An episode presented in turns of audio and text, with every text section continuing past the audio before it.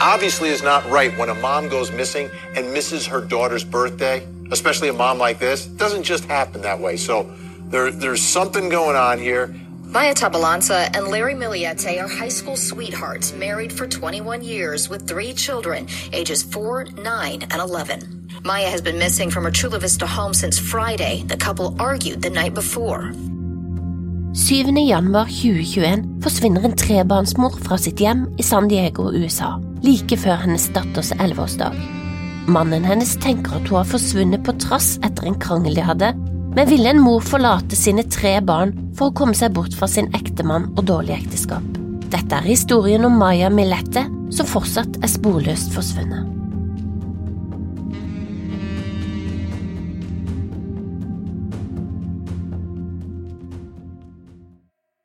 Maya og Larry Millette var begge filippinsk-amerikanske og møttes da de gikk på high school i Hawaii.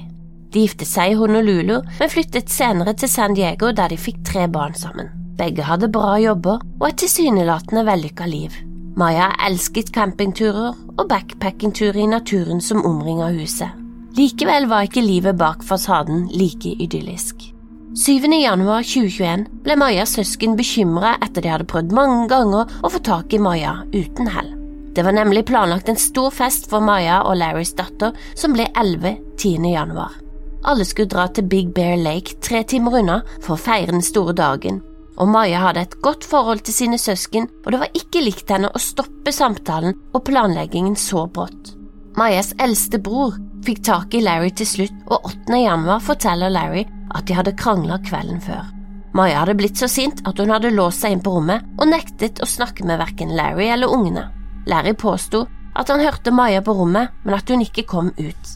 9. januar drar Maya sine søsken til Milette-huset og forlanger å se Maya. De går opp i andre etasje og prøver å komme seg inn på Maya sitt soverom. Det lykkes de med, men rommet det er tomt. Maya er ikke å finne i hele huset. Bilen sto i oppkjørselen, mens kjørekortet og kredittkortet var borte.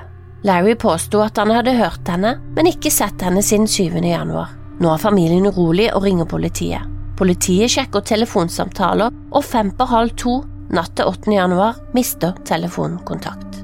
Det blir satt i gang søk, og frivillige deltar for å finne Maya, og media får nyss om saken. 14. januar stiller Larry opp i et intervju med News 8. I mean, just like how we were talking, Larry, I think when, what, the last time you saw her was like last Thursday, I think?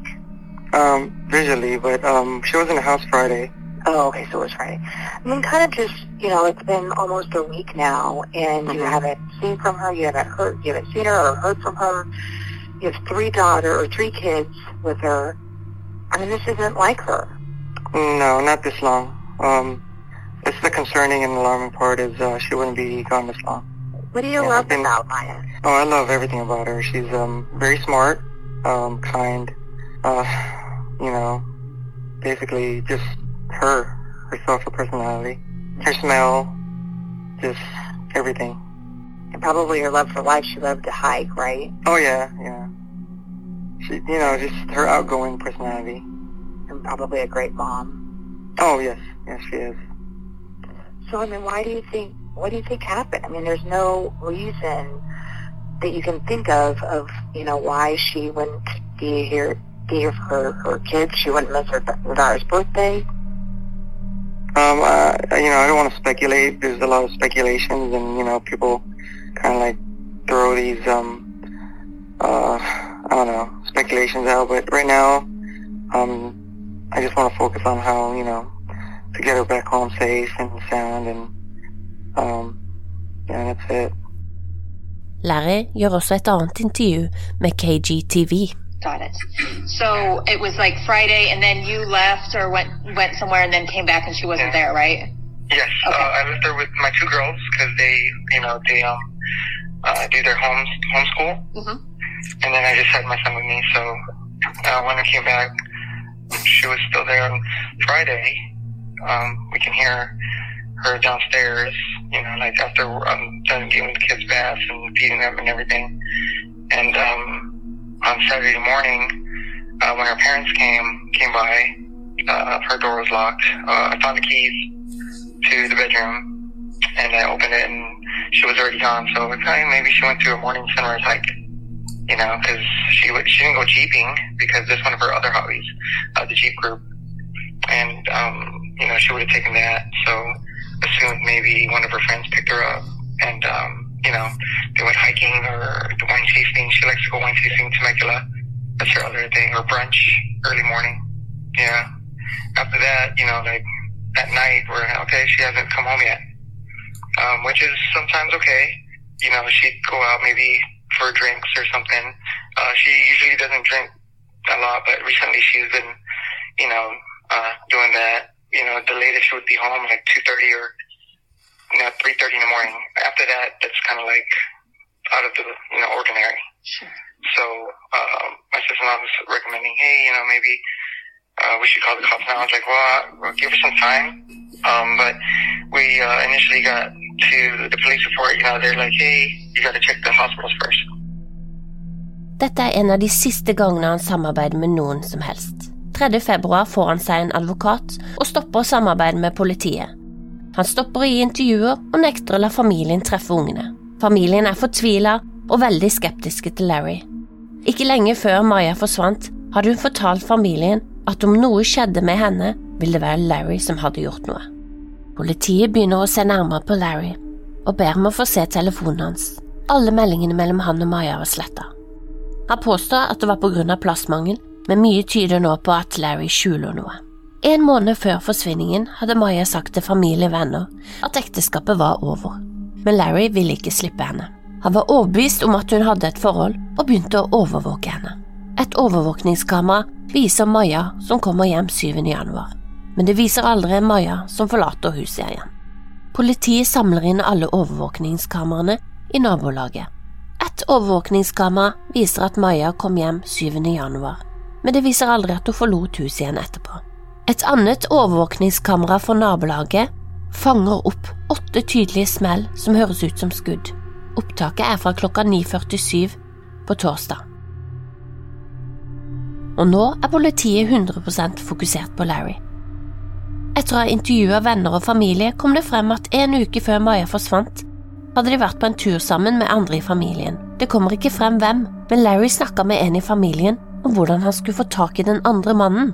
Antagelig er det en han tror er Majas nye elsker.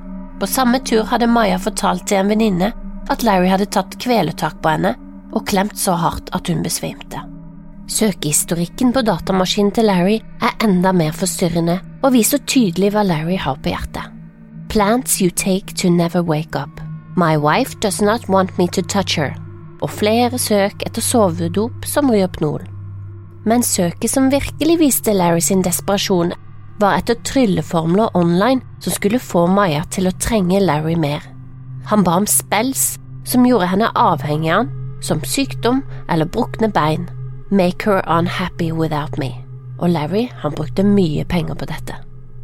12. januar skulle Maja ha et møte med advokaten sin, og dette visste Larry. Etter 8. januar stopper han å betale for forhekselser. Politiet samler inn alle overvåkningskameraene i nabolaget, og det de oppdager når de går gjennom dem, det får det til å gå kaldt nedover ryggen. Maja blir sett kommende hjem 7. januar, men man ser henne aldri forlate huset.